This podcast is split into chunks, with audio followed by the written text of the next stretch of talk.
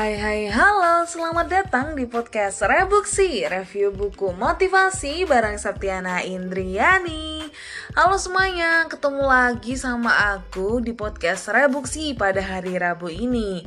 Dan pada malam hari ini aku akan mereview salah satu buku motivasi yang melanjutkan di episode sebelumnya Yaitu waktu episode hari minggu kemarin yaitu membahas buku Road to Success yang ditulis oleh Napoleon Hill.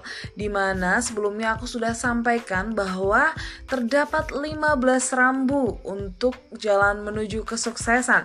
Dan yang untuk part pertama aku sudah sampaikan ya rambu pertama hingga keenam yaitu ada keinginan sebagai tujuan dalam utama dalam hidup. Kemudian rambu kedua adalah percaya diri.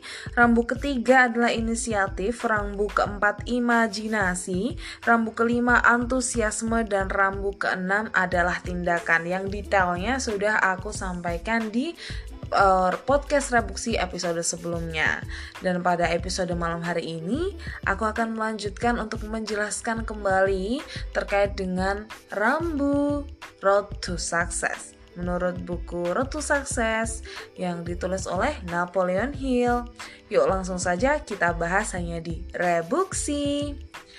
Oke, untuk sebelumnya aku sudah sampaikan nih ada enam rambu dan untuk sekarang ini akan aku teruskan yaitu rambu ketujuh road to success adalah kontrol diri. Sebagian besar pemimpin di dunia adalah orang-orang yang tidak mudah marah dan bisa mengendalikan diri. Pemimpin terbesar sepanjang zaman memberikan filosofi terbaik bagi dunia seperti yang tertera dalam kaidah emas, yaitu seseorang yang memiliki toleransi dan kontrol diri. Dan pelajaran terbaik bagi manusia itu adalah kontrol diri. Mengapa demikian? Karena seseorang tidak akan memiliki pengaruh besar terhadap orang lain sampai ia belajar dan menerapkan kontrol diri sendiri. Nah, kontrol diri ini itu dimulai dengan menyadari bahwa manusia itu memiliki kecenderungan untuk marah, intoleran, dan juga sinis. Ketika kita sudah berhasil untuk menyadari bahwa manusia itu memiliki sifat-sifat tersebut, maka bagaimana caranya kita bisa mengondisikan atau mengontrol diri kita agar kita dapat menahan diri untuk tidak mudah marah, kemudian uh, juga tetap toleransi terhadap orang lain seperti itu. Jadi di sini kontrol diri itu menjadi salah satu faktor untuk jalan menuju kesuksesan dan perlu kita perhatikan juga agar ini tidak menjadi bumerang bagi diri kita. Karena ketika kita tidak dapat mengondisikan atau mengontrol diri kita, bisa jadi kita menjadi orang yang mudah pemarah dan itu bisa jadi dapat memberikan kesedihan bagi orang lain. Dan yang perlu kita ingat adalah kita tidak akan mendapatkan kebahagiaan dengan memberikan kesedihan kepada orang lain. Itulah mengapa di sini kontrol diri menjadi salah satu faktor penting rambu menuju kesuksesan. Kemudian menuju rambu ke-8 adalah kebiasaan melakukan pekerjaan lebih banyak daripada bayaran. Di sini dijelaskan bahwa terdapat dua kualitas utama yang membawa seseorang itu yang awalnya dari posisi pegawai biasa bisa jadi sampai ke posisi eksekutif. Nah, apa kira-kira tipsnya? Yaitu yang pertama adalah kemampuan serta keinginan untuk mengemban tanggung jawab yang lebih berat. Dan yang kedua adalah kemampuan membantu orang lain melakukan pekerjaan dengan efisien dengan membimbing secara cerdas ketika kita ingin dapat hasil yang lebih, maka kita juga harus berani untuk bertanggung jawab atau berani melakukan suatu hal yang lebih juga agar hasil yang kita dapatkan dan kita nikmati itu juga bisa lebih. Seperti dua kualitas utama yang tadi sudah uh, saya sebutkan, di situ yang pertama kita harus berani mengambil tanggung jawab yang lebih berat dalam artian kalau kita mau mendapatkan hasil yang lebih, maka di situ tanggung jawabnya juga nggak yang biasa-biasa aja, tapi mau yang berat Kemudian yang kedua adalah kemampuan membantu orang lain melakukan pekerjaan dengan efisien. Dalam artian ketika kita juga ingin mendapatkan hasil yang lebih, maka kita juga harus memiliki kemampuan yang lebih. Bagaimana caranya agar kita memiliki kemampuan yang lebih? Yaitu dengan terus melatih diri kita dengan skill-skill yang kita rasa itu pas untuk diri kita. Hampir semua orang itu mampu melakukan apa yang diperintahkan kepadanya. Tetapi, apa yang dibutuhkan orang yang memberikan gaji itu adalah seseorang yang melihat apa yang harus dilakukan dan melakukannya tanpa harus diberitahu. Dalam artian, di sini adalah melakukan sesuatu hal lebih banyak tanpa harus diminta.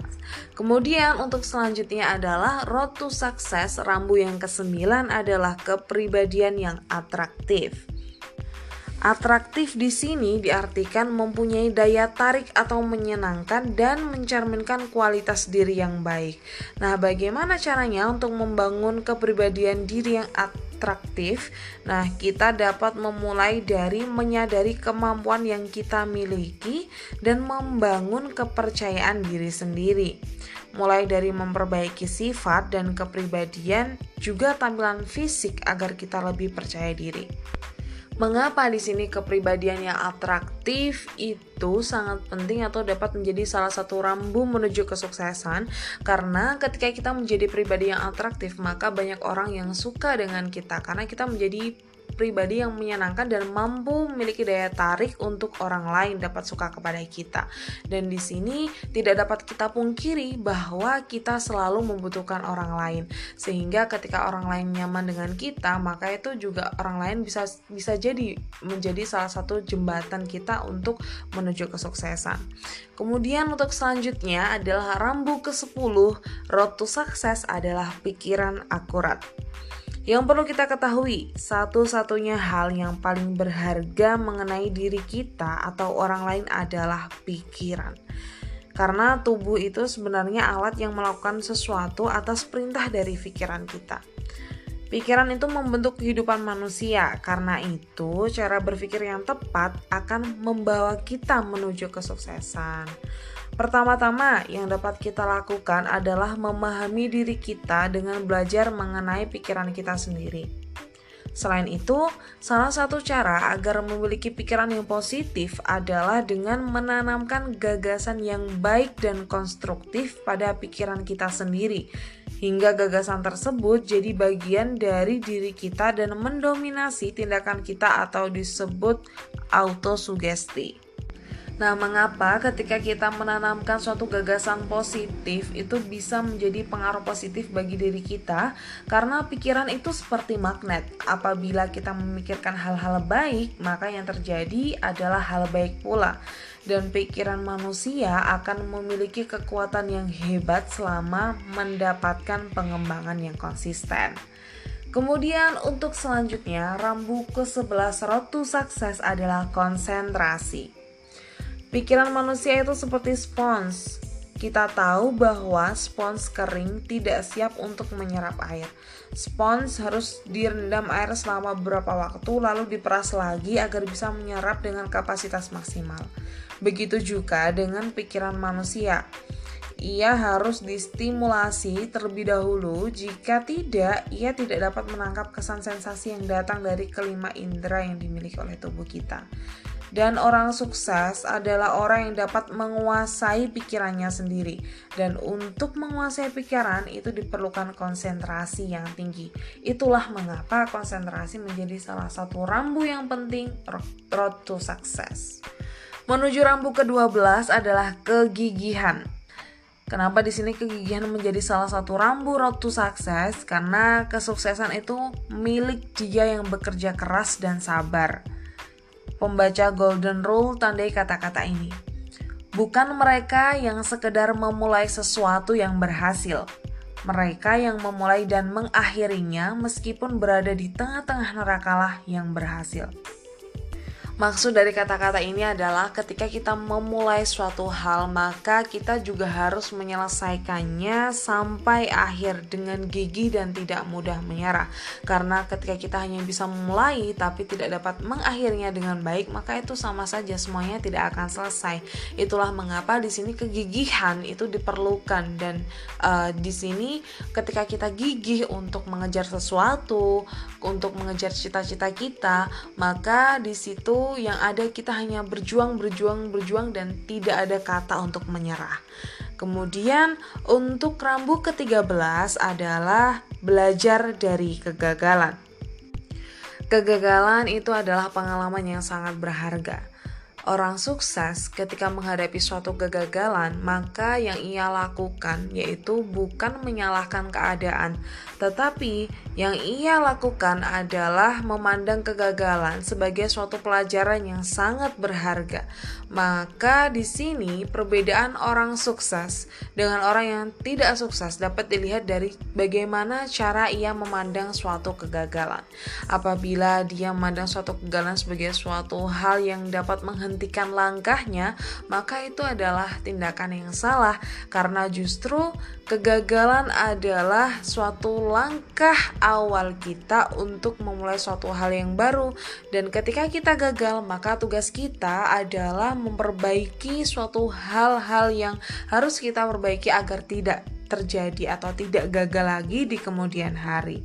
Dan ketika kita menerima suatu kegagalan yang dapat kita lakukan adalah menerima dan tidak menyalahkan orang lain karena ketika kita menghadapi suatu kegagalan pasti ada suatu hal yang tidak tepat maka harus kita perbaiki agar ke depannya tidak gagal lagi. Itulah mengapa orang berkata bahwa kegagalan itu adalah guru yang paling berharga. Kemudian, rambu yang ke-14 adalah toleransi. Di mana di sini dijelaskan bahwa materi dan kebahagiaan itu hanya dapat dipertahankan dengan memberikan pelayanan yang bermanfaat bagi sesama kita tidak akan mendapatkan hasil baik dengan melakukan tindakan yang buruk. Itulah mengapa kita harus tahu bahwa pentingnya berbuat baik kepada orang lain itu nantinya maka akan kembali ke diri kita sendiri. Ketika kita baik kepada orang lain, maka kebaikan itu akan kembali ke diri kita sendiri. Maka di sini adalah rambu toleransi itu sangat penting juga untuk jalan menuju kesuksesan.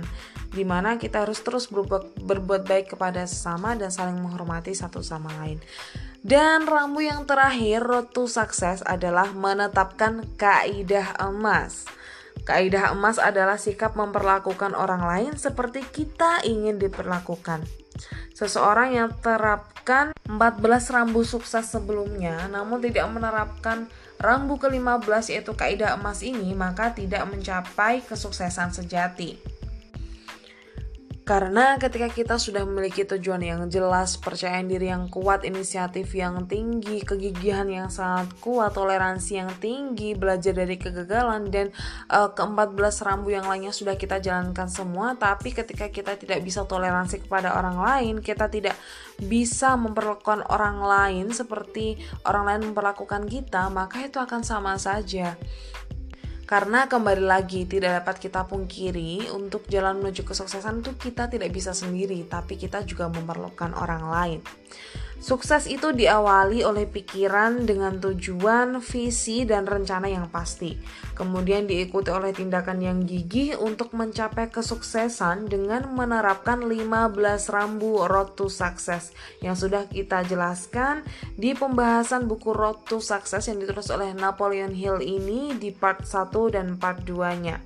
Hanya direbuksi dan kita ulas balik bahwa terdapat 15 rambu road to sukses yang pertama, keinginan sebagai tujuan utama dalam hidup, yang kedua, percaya diri, inisiatif, imajinasi, antusiasme, yang keenam adalah tindakan, kemudian kontrol diri, kebiasaan melakukan pekerjaan lebih banyak daripada bayaran, kepribadian yang atraktif, pikiran akurat, konsentrasi, kegigihan, belajar dari kegagalan, toleransi, dan yang terakhir adalah menerapkan kaidah emas.